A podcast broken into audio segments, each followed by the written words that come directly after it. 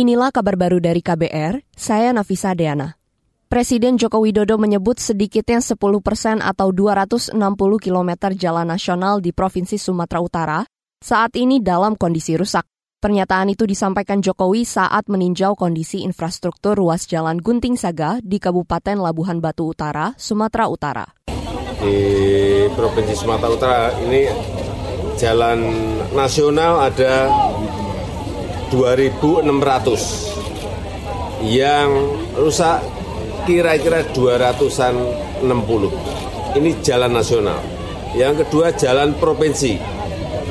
Jalan provinsi ada 3.005 km. Jalan provinsi. Yang rusak kira-kira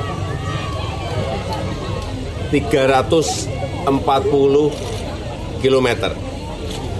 Presiden Joko Widodo juga menambahkan 33 ribu kilometer jalan kabupaten di Sumatera Utara dalam kondisi rusak. Jokowi menegaskan pemerintah pusat akan segera memperbaiki infrastruktur jalan yang rusak mulai Juli nanti. Perbaikan ruas jalan itu berbagi peran antara pusat dan daerah sesuai tanggung jawabnya masing-masing. Kita ke berita lain. Kabar Pemilu, Kabar Pemilu.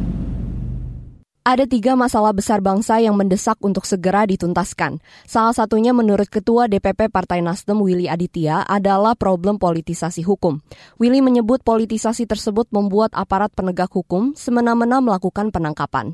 Politisasi aparat penegak hukum. Hari ini semua diinjak, hari ini semua diintimidasi, hari ini aparat penegak hukum semena-mena melakukan politisasi hukum. Resah nggak kita? Nggak ada pak, semena-mena aja ini. Mau tangkap si A, tangkap si B, tangkap si C. Kenapa yang menjadi presiden petugas partai Pak, bukan pelayan rakyat. Yang menjadi presiden itu harus pelayan rakyat, bukan presiden partikelir, bukan. Ketua DPP Partai Nasdem Willy Aditya menambahkan, masalah besar bangsa lainnya yang juga harus segera diselesaikan adalah praktik korupsi dan politisasi identitas. Sebelumnya Badan Pengawas Pemilu atau Bawaslu mengingatkan bahayanya politisasi identitas. Menurut Komisioner Bawaslu Herwin Malonda, politisasi identitas bisa memicu kerusuhan berbasis SARA. Selain itu, politisasi identitas bisa digunakan untuk menyerang lawan berdasarkan latar belakang etnis, suku, dan agama. Kita ke berita selanjutnya.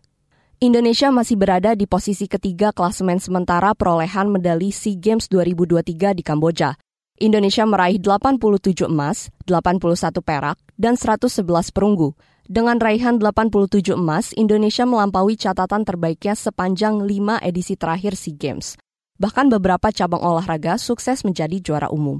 Sepak bola menjadi cabang terakhir yang menyumbang medali emas bagi Indonesia. Sejumlah cabang olahraga bahkan berhasil menjadi juara umum, yakni wushu, pencaksilat, balap sepeda, tenis, e-sports, bulu tangkis, voli, dan angkat besi. Indonesia mengikuti 31 dari 36 cabang olahraga yang dipertandingkan.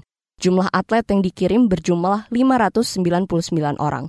Hari ini upacara penutupan SEA Games 2023 bakal digelar di Morodok Teko National Stadium, Phnom Penh, Kamboja. Demikian kabar baru dari KBR, saya Nafisa Deana.